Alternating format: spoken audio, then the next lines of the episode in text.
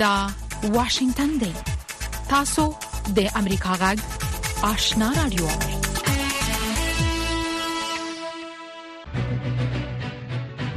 درنو اوریدونکو ستړي مشي زه نام شابه آشنا تاسو په روانه خبرونه کې د سیمه او نړۍ په اړه رپورټونه هم اوري خو لمړی پام وکړئ د سیمه او نړۍ خبرونه ته السلام علیکم درنوریدونکو ستړي مشي زه زیبا خادم یم د امریکا غږ آشنا رادیو خبرونه ده د نړۍ د دې ساعت خبرونو ته اساس پام را اړم پاکستان د ملګرو ملتونو له یوې جرګګۍ نه غوښتي دي چې تحقیق وکړي چې تحریک طالبان پاکستان دومره پرمختللې وسلې له کومه ځای ترلاسه کړې دي چې په پاکستان کې په بریدونو کې استعمالوي دا خبره په ملګرو ملتونو کې د پاکستان دایمي استاذي عثمان جدون د امنیت د شورا په غونډه کې کړې ده هغه ویلي دي چې د ټي ټي پی غونډې دهشتګرې ډلې د وسلو له ناقانونه منډینه د داسې عناصرو نه وسلې ترلاسه کوي چې غواړي یو ځانګړي سیمه یا یو هیواد به ثبات کړي هغه د ملګرو ملتونو نو غوښتل چې دا معلومه کړي چې د ټي ټي پی غونډې دهشتګرې ډلې څنګه دومره عصري وسلې ترلاسه کړې دي د سیمه او نړۍ خبرونه د امریکا غږ واشنگټن نه اوري د غزې او اسرایل ترمنځ یو لوی سرحدي لار پرانیستل شو چې د بشري مرستو موټر غزې ته ننوځي د جګړې د شروع نه تر اوسه پورې دا لومړی ځل دی چې د غلوی لار پرانیستل کیږي د اکتوبر په اومه په اسرایل باندې د حماس د برید نروسه د غلار بند شوی و د امریکا جنگي کشته پسري بهيري کې د حوثي اغیانو 14 ډرون الوتکې غورځولې دي د خبر تفصيل ته ستاسو پام را اړوم د متحده ایالاتو د فوځ مرکزي قوماندانۍ د دسمبر په شپاړس مه وویل، یوې جنګي کښتۍ په سرې بحیره کې څوارلس هغه بې پیلوټه الوتکې وغورځولې چې حوثي یاغیانو د یمن څخه الوځولې وې. د دې قوماندانۍ اعلامیه وایي، د یو ایس ایس کارني په نامه جنګي کښتۍ په سرې بحیره کې څوارلس ډرونه توکي ویشتلي او ویجاړې کړي دي. دغه جنګي کښتۍ ته زیان نه دی رسیدلی او نه پکې څوک تلف شوي دي. د اکتوبر د اوومې نېټې راهیسې چې د حماس ډلې په اسراییلو ناڅاپه برید وکړو، دوولس سوه کسان یې ووژل او دوه سوه څلوېښت یې برمته کړل. په یمن کې حوثي یاغیانو څو ځله په سرې بحیره کې د امریکا په جنګي او نورو تجارتي کښتیو بریدونه کړي. مطیع الله عابد، امریکا غږ، اشنا راډیو. په یمن کې د حوثي یاغیانو نطاق پرون ویلي دي چې د عمان په منځګړتوب یې د نړیوالو قواو سره په سره سمندرګي کې د خپل عملیاتو په باب خبرې پیل کړې دي د رويټرز د خبري اژانس د راپورټ لمخې د حوثي اغیانو نطاق محمد عبد السلام ویلي دي امان په دې برخه کې منځګړتوب کوي چې ترسو په غزه يرغل دوام ولري او غزه ته د بشري مرستو مخه نیول کیږي دوی بخپل عملیاتو او اقداماتو ته دوام ورکړي حوثي اغیانو دا نه دی ویلي چې د امان په منځګړتوب د کوم هواد یا سازمان د استادو سره په خبرو بوخت دي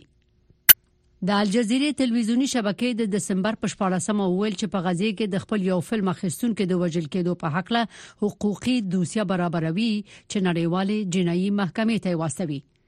د شبکې په غزې کې د خپل کامراماین سامر ابو دقه قضیه ترور بللې ده ابو دقه د دسمبر په 14مه په یو خونځي کې چې د غزې په جنوب کې خلکو پکې پناه خسته و د راپورټ ورکولو په مهال د بي پیلوټ الوتکې په برید کې وژل شوې ده د الجزیرې په اعلامیه کې ویل شوې دي چې د دې شبکې نړیوال حقوقي ټیم د نړیوالو حقوق بوهانو سره په ګډه د یوې جامع دوسیې په برابرولو کار شروع کړی دی چې د نړیوال جنایي محکمې سارنوالانو ته یې وسپاري د کیف انډیپندنت ورځپاڼې په خپل راپور کې د یکشنبه په ورځ د دسمبر په 18مه ادعا کړې ده چې په اوکرين باندې د مسکو د يرغل نروسته د روسیې تقریبا 350 زره عسكر وژل شوې دي د ورسپانې ویلي دي چې د اوکرين د وسلوالو قواو لوی دریسیز راپور ورکړی دی چې په تیرو 30 ساعتونو کې 1250 روسي عسكر وژل شوې دي دا د اوکرين په جګړه کې د روسیې لپاره د مالی او ځاني زیانونو له پلوه خورا ډیر غټ ارقام دي چې اوکراین یې اعلانوي تر دې دمه روسیې د دې رپوټ د رد او یا تایید په هکله څه نه دي ویلي د مهاجرت نړیوال سازمان د شنبې په ورځ ویلي دي چې د لیبیا په ساحل کې د مهاجرینو یو وړه کشتۍ ډوبه شوې ده لږ تر لږه یو شپې ته تنه پکې مړ شوې دي او 25 نور ژغورل شوې دي د دغه سازمان په اعلامیه کې راغلي دي چې دا کشته چې آتش په تنه پکې ناسو د سمندر د لوی سپو له کبله چپه شوې ده لیبیا او تونس ایتالیا ته د مهاجرو د تللو دوه مهمه لارې دي خو ډیر وخت کشته پکې ډوبېږي د هند ماراشټرا په ایالت کې چارواکو ویلي دي چې د بي پیلوټه الوتکو او چاودونکو موادو د تولید په یوې فابریکې کې چاودنه شوې ده لږ تر لږه نه کارګران وژل شوې دي چارواکي وایي چې په وژل شوو کسانو کې شپږ خزې دي چاودنه د هند ناګپور په ښار کې د سولر انډستریال انډیا په فابریکه کې شوې ده کارګر په کار بوختو چې چاودنه وشوه د دغه ایالت اعلی وزیر د نوو کارګرو وژل کېدل تایید کړی دی نو وړي دا یو خوشینونکې پیښه بللې ده او ویلي دي چې حکومت په پا پام کې لري چې د وژل شوو کسانو کورنیو سره 15 میلیونه روپۍ مرسته وکړي زیبا خادم امریکا غږ واشنگټن د سیمې او نړۍ خبرونه واوریدل په موقع د سیمې او نړۍ په اړه رپورټونه ته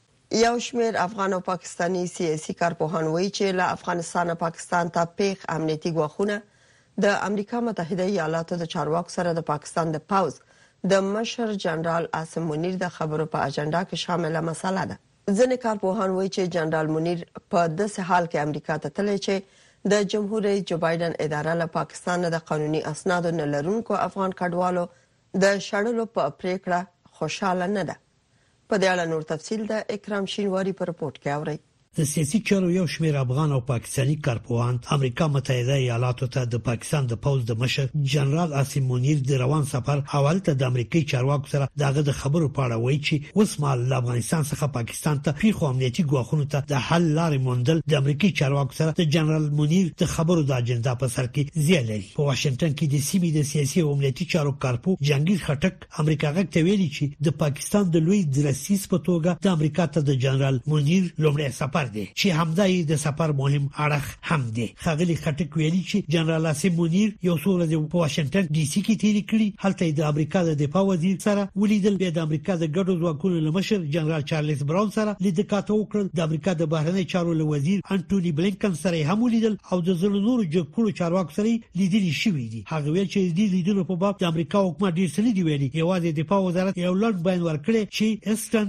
له سیمونیر سره په لیدنه کې پر سیمه د شخړو پر ترهګرۍ د دوه هیوادو د ځواکونو په ملګرتیا او همکارۍ خبرې اترې کړې دي خو له دې پرته ډیر څه نه دی ویل شوی د نړیوال اړیکو یو کارپو طارق پرهادي وایي چې پاکستان کې د افغان کډوالو سره د دغه هیواد د امنیتي ځواکونو چلند په امریکا کې د جنرال منیر سفر باندې هم اغیزه کړې یامیاس کې د درقت جو بایدن رئیس جمهور امریکا که رئیس ارتش پاکستان در قصر سفید نپذیرفت و تنها به سویه وزیر خارجه ملاقات ها داشت په ملګرو ملتونو کې د پاکستان دایمي استازي سفیر عثمان جدون د ملګرو ملتونو د امنیت شورا یوې جرګګۍ څخه غوښتي چې د پلټنو له لارې دې دا معلومه کړي چې د تحریک طالبان پاکستان د ټي ټي پي ډله دومره عصري وسلې له کوم ځای څخه ترلاسه کوي سفیر عثمان جلدون د ملګرو ملتونو امنیت شورا په پرانیستې غونډه کې د غیر قانوني انساني قاچاق او د وړو او سپکو وسلو له ناوړه کارونې څخه د ورپیغ غواخ په باب خپل اندېښنې په ډاګه کړې خاغلی جلدون ویل چې د ټي ټي پی غونډې ترهګرې ډلې د وسلو له غیر قانوني بازار څخه داسې عصري وسلې ترلاسه کوي چې یو ځانګړي سیمه او یا یو هیواد بې ثباته کول غواړي د سیاسي چارو کارپو او د خیبر تلویزیون خبریال حسن خان هم وایي چې د پاکستان د پوز د مشر امریکا ته د سفر یو هدف د هغو وسلو د کارولو په اړه چې د تحریک طالبان پاکستان لخوا د دغه هیواد د امنیتي ځواکونو په خلاف کارول کیږي امریکایي چارواکو سره خپل اندېښنې شریکول دي پاکستان دا هم غني چې د امریکې مخکې چې کوم د هغوی پخواني صدر او جمهور رئیس ښاغلی اوباما دا د هغوی د خولې بیان هم دی که چېرې دی دهشتګردو ته دا خطرناکه وسله په لاس ورلله نو د دوی رمنې کول به بیا ګراني نو نن هغوی ته هغه د امریکې هغه خطرناکه وسله چې کومه ده چې هغه د شپې ټارګټ په نښه کول د شپې په نظر راتلل وغیره دشمن په نظر راتلل دا هغوی سره ټول دي نو په دې حواله سره زما خپل خیال دا دی چې پاکستان کوشش دا کوي چې د دې کاونټر کومه وسله ده یا هتیار دی د هغه د حاصلولو او چې د شي کوم خرچه به ځکه چې تاسو په د پاکستان چې فوج هر ځای کې چې فوج اپریشن کوي نو د هغه ډیر لوی د غرازینو چې کوم مخکې پاکستان سره د دهشتګردۍ خلاف دوی یو تړون شوی و چې په هغه کې د فاینانشل سایډ څخه کومه غبه امریکای په هغه ذمہواری و نو پاکستان غواړي چې د هغې یو جاج کومې پورې چې دا دهشت ګردي دا مکمله ختم شوې نه ده د سیمې نه نو تر هغه پورې دې د امریکا هغه خپل لاس نه وباسي. حسن خان وایي چې د پاکستان پوځ دا ګڼي چې د تحریک طالبان پاکستان په لاس کې چې کومه وسله ده دا اکثره د امریکایي پوځ وسله ده حسن خان وایي چې پاکستان کوښښ کوي چې د دې وسلې په مقابل کې ټکنالوژي له امریکا څخه ترلاسه کړي. انتظار پای ته ورسید ترنو لیدونکو او اوریدونکو تاسو کولی شئ د امریکا غا ټلویزیونی او رادیوي خبرونه د یاسات ساتلایت له طریقو وګورئ او واورئ د نوي سټلایټ لارې تاسو د آشنا اتصال او کاروان ټلویزیونی خبرونه کتلای هم شئ د امریکا غږ د افغانستان څنګه خبرونه په 398 چنل او د آشنا رادیوي خبرونه په 390 چینل کې اوریدلای شئ لملتيامو د تل پشان مننه تاسو زموږ غږ د واشنگټن د سټډیو نه اورئ امریکا ته د پاکستان د پوځي پلاوي او پاکستان ته د امریکا د ډیپلوماټانو سفرونه په داسې وخت کې تر سره کیږي چې د امریکا او پاکستان اړیکې یو څه سړې شوې دي د دې سفرونو په اړه امریکا غږ د ولسن څېړنیز مرکز د جنوبي اسیا د چارو رئیس مایکل کوګلمن سره مرکه کړې. کوګلمن په دې باور دی چې امریکا به د پخوا په څېر پاکستان سره پوځي مرسته ونه کړي. پاکستان آرمي چیف، د پاکستان د پوځ مشر واشنګټن ډي سي ته د سفر په اړه څه فکر کوي؟ هغه څه اهداف لري؟ هر کله چې د پاکستان د پوځ مشر واشنګټن ته راځي دا د امریکا او پاکستان د اړیکو لپاره مهم دی ځکه چې هغه په پاکستان کې تر ټولو ځواکمن مشر دی او بل شک د پاکستان پوځ په بهرنۍ پالیسۍ کې کنټرول لري نو ځکه دا ډیره مهمه لیدنه ده خو زه نه پوهیږم چې هغه ته اوس ولې بلنه ورکړل شوې دا یو څه د حیرانتیا وړ ده چې جنرال منیر په داسې وخت کې رابلل شوی و چې واشنگټن په نورو مسایلو باندې ډیر تمرکز کوي یعنی د غزې جګړه د اوکراین جګړه د چین سره د لوی ځواک سیالي او داسې د امریکا نور کورنی سیاستونه نو زما په اند دا یو په زړه پورې پوښتنه ده چې نه یوازې دا چې ولې بلکې اوس ولې څه موده مخکې د پاکستان د پوځ مشر د امریکا د دفاع وزیر سره ټلیفوني خبرې کړې وې نو په ښکاره ډول پاکستان او پنټاګان یو څه اړیکې لري شاید د متحده ایالاتو د پوځ لمشر سره د امنیتي دفاعي اړیکو د وضعیت په اړه او د ترهګرۍ سره د مبارزې په اړه خبرې وشي تاسو پوهیږئ چې امریکا او پاکستان دواړه له افغانستان نه د رامنځته کیدونکو ترهګریزو ګواښونو په اړه اندېښمن دي نو زه فکر کوم چې دا هغه ټکي دي چې دوی به پرې خبرې کوي پاکستان اوس مهال د یو سخت پړاونه تیریږي آیا متحده ایالات د تحریک طالبان او نورو ترګرو ډلو په وړاندې په عملیاتو کې د مرستې لپاره چمتو دي So I think that there's a lot of hope on the part of the Pakistani military. زما په فکر د پاکستان پوځ ډیر هیلمند دی چې امریکا به د ډګر کې ګام پورته کولو ته لیوالتیا ولري خو د پاکستان لپاره اصلي اندېښنه د ټي ټي پي ډله ده د امریکا لپاره اصلي اندېښنه اسلامي دولت یا داعش خراسان ډله ده امریکا اوس ټي ټي پي پاکستان ته یو غواخ غني خو امریکایانو او یا د امریکا ګټو ته نه غني د متحده ایالاتو چارواکو په ډیره څرګنده توګه دا ویلي دي چې طالبانو د اسلامي دولت لخوا د خطر په کمولو کې خورا ښه کار کړی دی څو میاشتې د مخه لوړپوړي چارواکي ټام ویس دا خبره وکړه نو دا څه ښایي چې د متحده ایالاتو او پاکستان د ترهګرۍ ضد همکاري لپاره ډیر ځای او فرصت شتون ونه لري خو جنرال منیر په هغه ټکو خبرې کوي چې دوی په ګډه کولای شي باید هیر نکړو چې پاکستان ته د امریکا امنیتي مرستې له 2013 کال راهیسې ځنډول شوې دي او په دې کې کوم بدلون نه دراغله لکه څنګه چې تاسو یادونه وکړه چې له 2013 کال راهیسې پاکستان ته پوځي مرستې ځنډول شوې تاسو فکر کوئ چې جنرال منیر به بیا دغه مرستو غوښتنه وکړي I think it's a possibility. زه فکر کوم چې د دې امکان شته چې پاکستان به د مرستې وغواړي مګر زه واقعا فکر نه کوم چې د متحده ایالاتونو حکومت به دا ډول غوښتنه ومني امریکا په اړتیا له پاکستان سره د اړیکو د خکولو په لټه کې ده خو غواړي چې دوی په ځین امنیتي او غیر امنیتي مسلو تمرکز وکړي که څه هم دا کار کول سخت دي دوی د اقتصادي همکاریو د کچې په اړه خبرې کوي د ته په پام کې نیول سره چې په پاکستان کې اقتصادي بحران څومره خراب دی مګر هو د پاکستان پوځ په ښکاره توګه د ترهګرۍ له ګواښونو سره مخ دی او پاکستان په یقیني توګه د امریکا د ملاتړ په لټه کې دی او په تاریخي توګه دوی پوځي ملګري او متحدینو مګر بیا هم زه فکر کوم چې جنرال مونری د پوځي مرستو خبره راپورته کړي نو مایوسه بشي ځکه امریکا اوس د سره علاقه نه لري د امریکا لوړ پوړي چارواکي په دې وروستیو کې اسلام آباد ته تللي وو داسې رپورټونه دي چې امریکایي چارواکو د افغان کډوالو د کړکېچ په اړه هم خبرې کړي ایا امریکا پاکستان په دې قانع کولای شي چې د پاتې افغان کډوالو لپاره خپل تګلارې بدل کړي زه یقینا فکر کوم چې د افغان مهاجرو مسأله د متحده ایالاتو له نظره د جنرال منیر سره د ملاقات د اجنډا یو له مهمو ټکو څخه ده د مهاجرو د ایستلو تګلاره د واشنگټن لپاره ډیره د اندېښنې وړ ده ځکه په پاکستان کې له 2021م کال راهیسې ډیر شمېر افغانان شته چې امریکا ته د راتګ لپاره د مهاجرت ځانګړي ویزې ترلاسه کولو ته انتظار باسي امریکایي چارواکي غواړي له جنرال منیر سره کار وکړي څو ډاډ ترلاسه شي چې هغه افغانان به بیرته په افغانستان ته ونه ګرځول شي چې اوس په پا پاکستان کې میشت دي خو داسې نه ښکاري چې پاکستان د مهاجرو تګلارې بدله کړي پاکستان د دې تګلارې لامل لا د مخه تر سخت فشار لاندې دی. پاکستان د ډېرو مهمو شریکانو له خوا له سختو نیوکو سره مخ شو، نو زه فکر نه کوم چې دوی به دا بدله کړي. دوی دې تګلارې ته د طالبانو په وړاندې د یو تاکتیک په سترګه ګوري، د فشار تاکتیک چې د پاکستان لپاره خورا مهم دی. تر ټولو ښه خبره چې تمه یې کېدای شي، هغه دا ده چې امریکایان به له پاکستان سره په خپلو خبرو کې دا یقیني کړي چې هغه افغانان چې له افغانستان نه تښتېلي، هغوی بېرته ونه لېږل شي.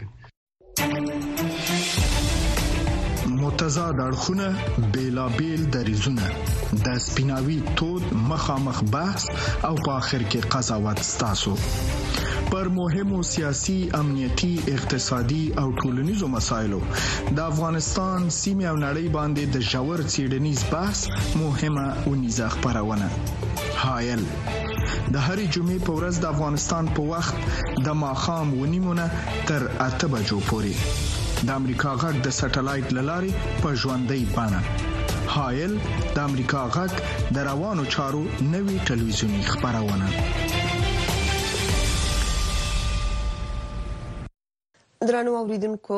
نازیه قانع چې په 2014 کال کې د کابل پر امریکایي پانتون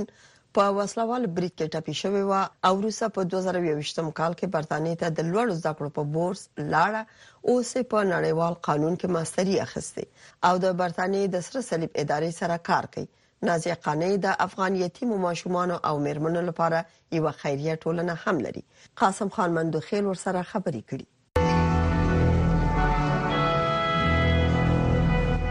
نازیه قانع شای یو له هغو نیکمرغو افغان جنو څخه وی چې په 2014 کال د کابل پر امریکایي پونتون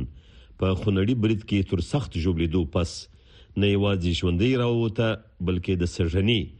2023 کال په لومړیو کې د بریټانیا له یارک پونتونه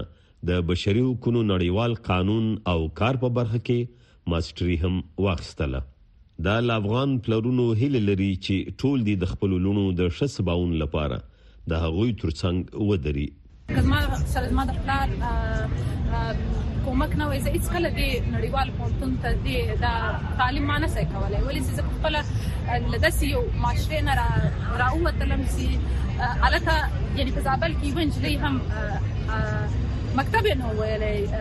پونتون خو پرې د بیا نړیوالې پونتونونو ته د باندې راوتل او زده کړې کول نو کوم چې پلان ما سره په ځکه کوم ځنو ولا ناممکن و ما خوب نه نسېدلې نو زه خپل ورونو خوندو پلانونو صدا غواړم خپل کولونو باندې باور وکړي خپل تر څنګ ودرېږي تر څو خپل لوري مو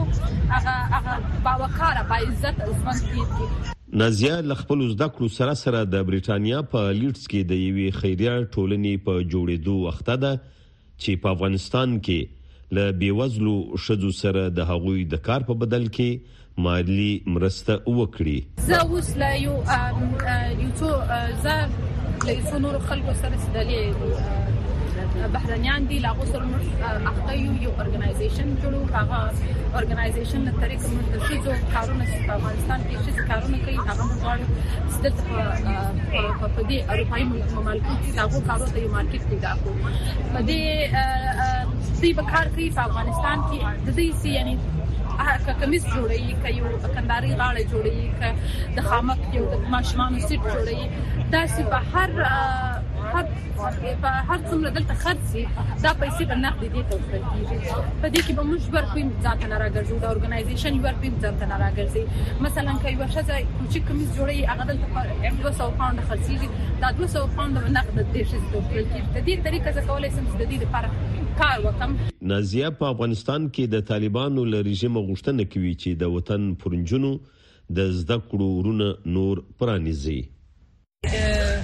تعلیم باید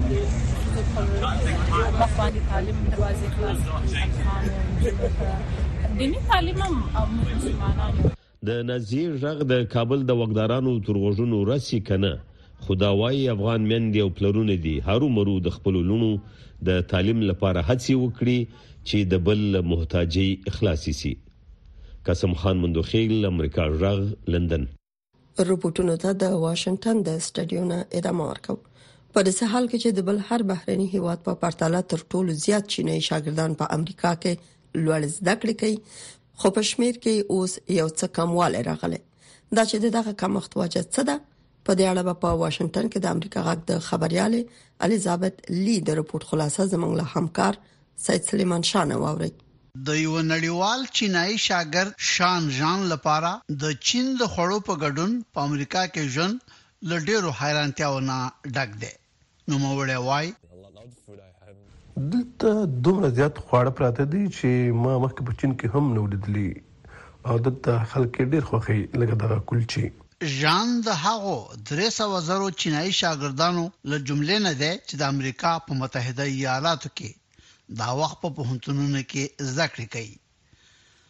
د یوه پخواني چینايي شاګرد سالویان په وینا د چین د نړیوالو شاګردانو شمېر د امنیتي اندېښنو په وجه یو څه کم شوی. سالویان چې له نورو نړیوالو چینایي شاګردانو سره په امریکایي پوهنتونونو کې د شمولیت په برخه کې کومک کوي، امریکا غږ ته وویل. د شاګردانو میندې پلرونه خپل اولادونو باندې د امریکا د منفي اغیزو له امله ډیر پریشانه دي. د پریشانۍ وجه یې دا ده چې په پوهنتونونو کې د ټوپک ډزې کیږي او دویمه وجه دا ده چې په سړکونو لارو غلاګانې ډیرې دي. او د ټوپک استعمال ډېر زیات شوی دی. ځیني چینايي شاګردان په متحده ایالاتو کې د لوړو زده کړو د سرته رسولو په غرض په پوهنتونونو کې د شمولیت په برخه کې د چین له خوا د امریکايي ټکنالوژۍ د غلا کولو او د انټیلکچوال پراپرټۍ یا علمي حقونو په اړه د اندېښنو په وجه له ستونزو سره مخ کېږي. متحده ایالات لا تر اوسه د ټرمپ د دور د هغه قانون پر اساس عمل کوي چې د یو شمېر چینايي پوهنتونونو شاګردانو ته چې د چین له پوځ سره اړیکې لري ویزې نه ورکوي. سالویان وویل.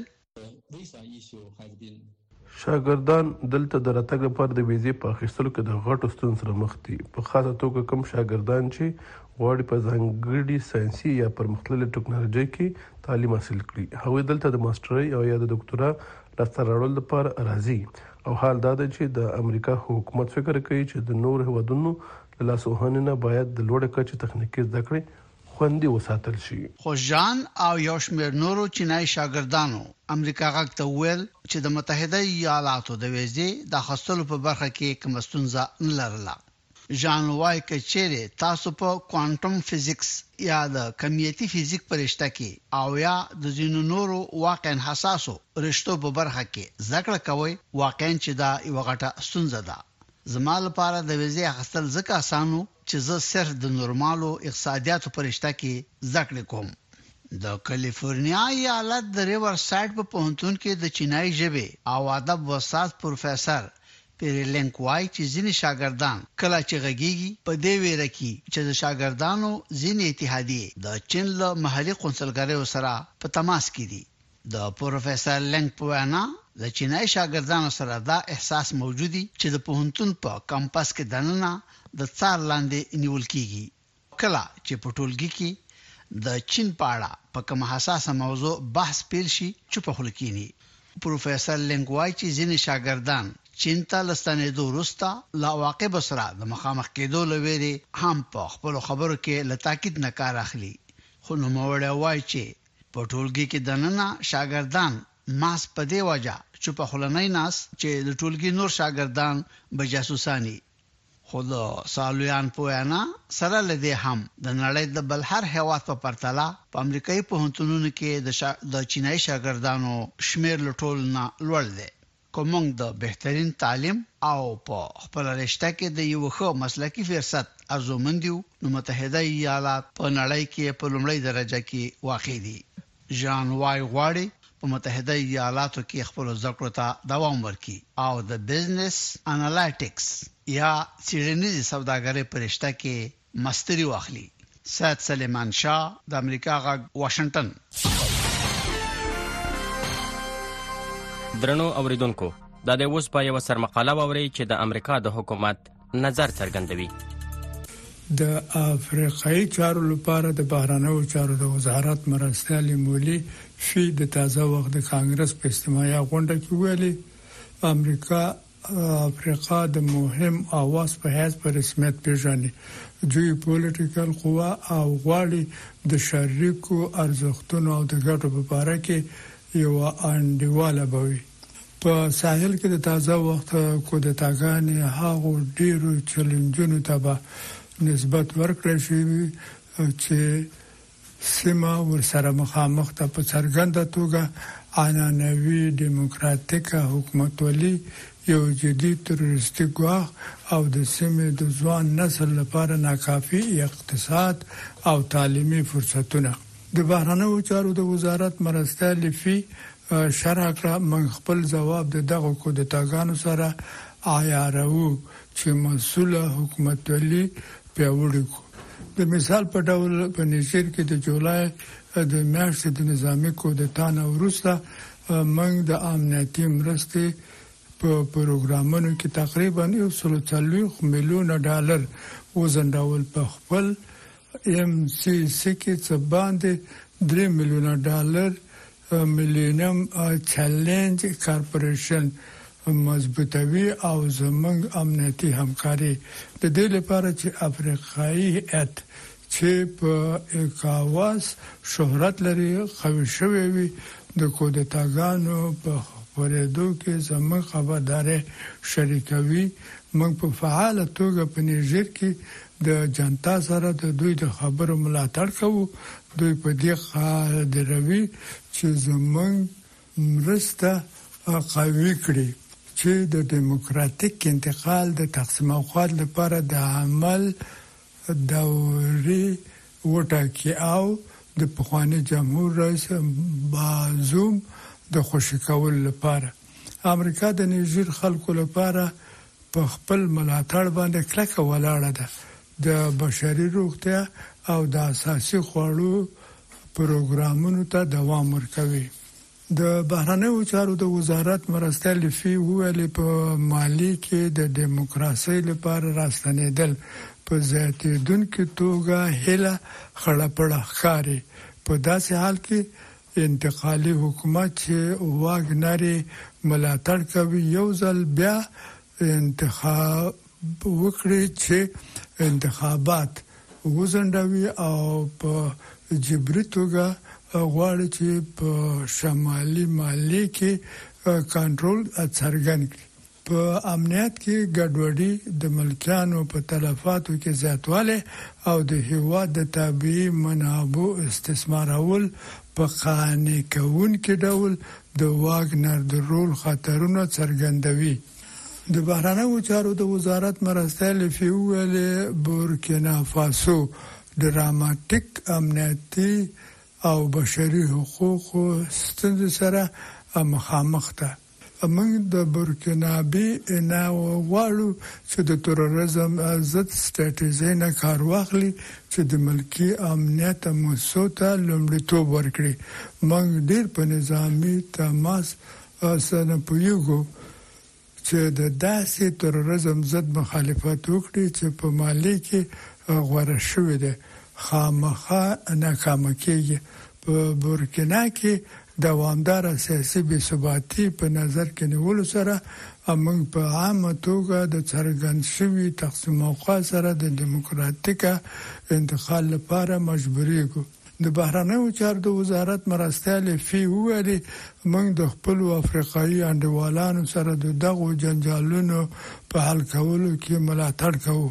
موږ نه په دې عقیده یو، په خپلو ارزښتونو سره به د خپل ملي امنیت ستراتیژۍ ښه ملاتړ وکړو.